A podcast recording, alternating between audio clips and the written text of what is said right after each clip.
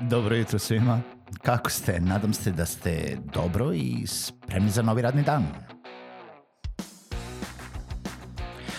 Pozdrav svima i dobrodošli na podcast Male pobede, stari novi podcast koji, well, koji je tu da bi vam kroz pitanje i savete dao motivaciju, pokrenuo vas u pozitivnom smeru i pomogao da ovaj dan počne bolje, jače i možda čak i zabavnije. Moje ime je Željko Crnjaković.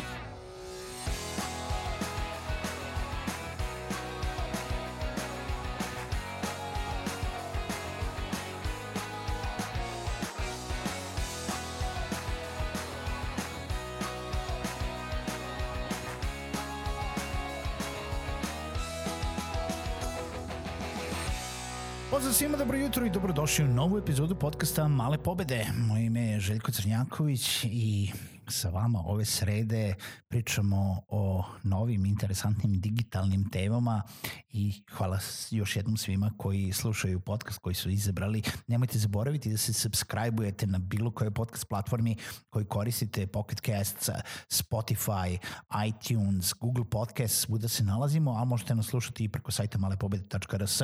Pišite mi na malepobede.gmail.com ili bilo gde na društvenim mrežama ili u komentarima.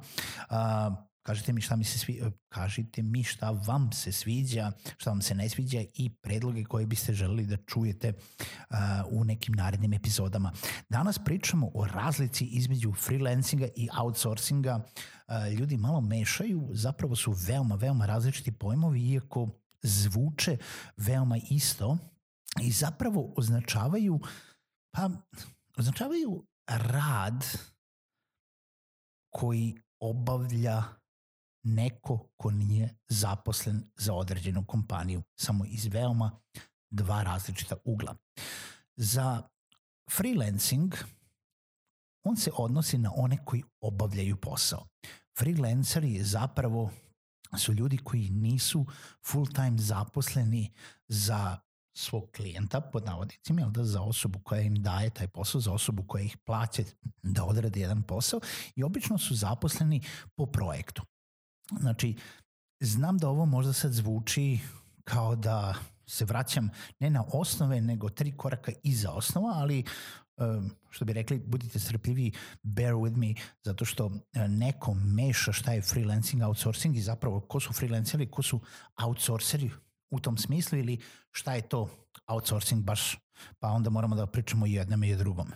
Znači, freelanceri je ima u sebi reč free, to znači slobodnjak, jel da taj honorarni saradnik koji obavlja svoj posao bez toga da je full time zaposlen.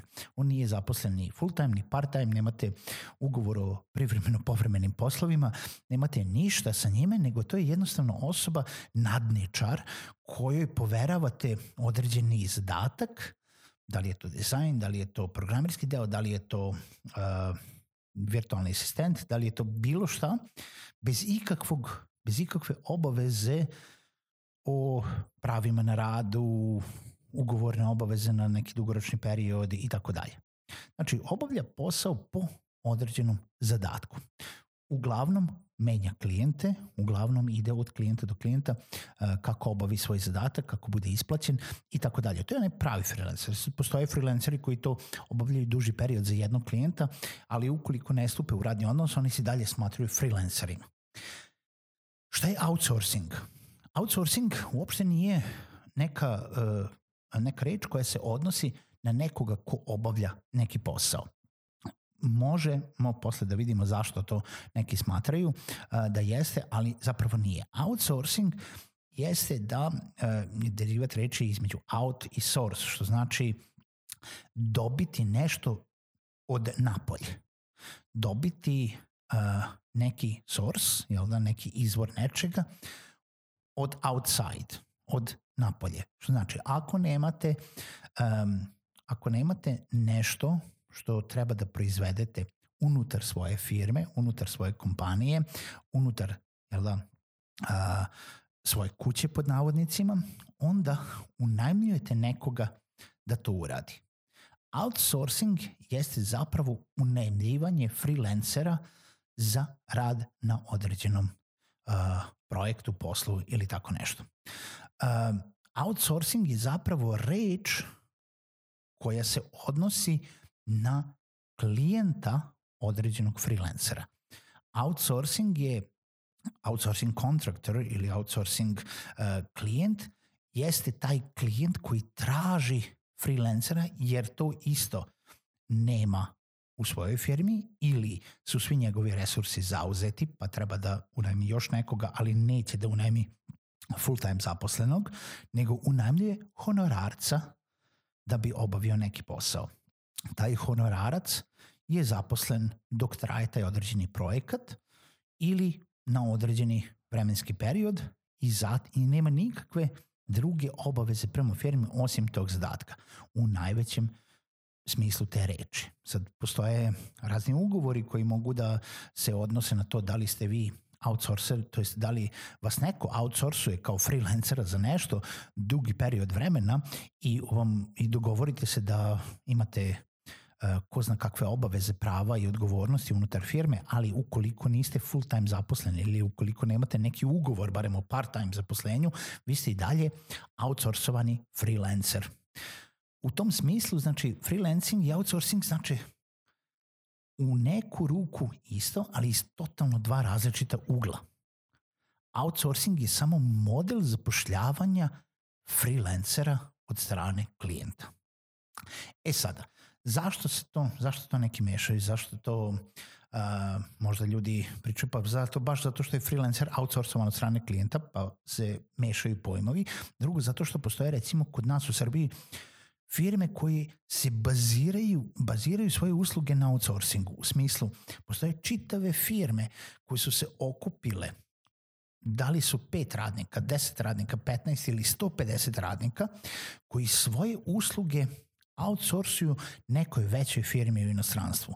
Zapravo, nude usluge, na primjer, u najčešćem slučaju programiranja, dizajniranja uh, ili uh, bilo čega digitalnog gde ceo tim ljudi radi na klijentovim projektima, a klijent za uzvrat nije dužan da sve te ljude uvede pod navodnicima u svoju firmu, nego su oni firma za sebe, mogu da imaju svoje druge klijente, mogu da imaju uh, jel da, duže ili kraće projekte, nezavisni su od strane matičnog klijenta i samim time mogu da diverzifikuju svoju, uh, svoj posao, da zaposle sebi još više programera i da uzimaju više poslova od više različitih klijenta, klijenata.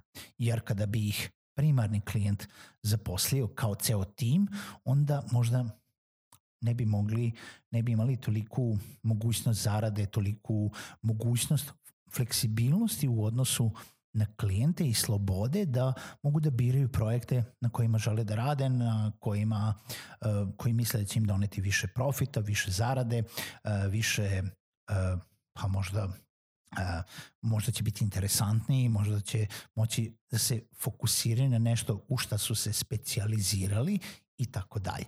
Tako da firme kod nas, a i širom sveta, se ofromljavaju tako da nemaju svoj proizvod, nego da zapravo nude svoje usluge pod navodnicima rentiranja programera za projekte drugih firmi.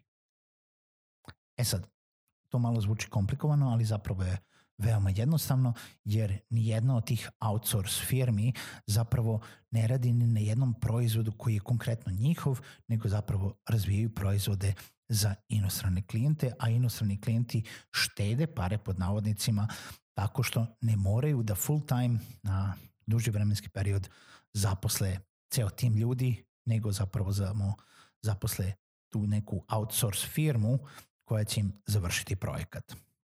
To ne znači da su u ovom slučaju članovi tima koji se outsourcuju freelanceri, oni mogu biti full time zaposleni za te firme, i u tome jeste minimalna razlika. Freelancer može biti outsourcovan, ali isto tako outsourcing može da se odnosi i na outsourcing bilo kojih usluga koje dobijate van svoje firme, nebitno da li su od freelancera ili od druge firme, to jest zaposlenih te firme. Malo sam otišao okolo, ali nadam se da sam dosta pojasnio, pa za one koji zanimaju šta je razlika između freelancinga i outsourcinga, mala pobeda za danas je, sad to znamo. Čujemo se u nekoj narednoj epizodi podcasta Male pobede.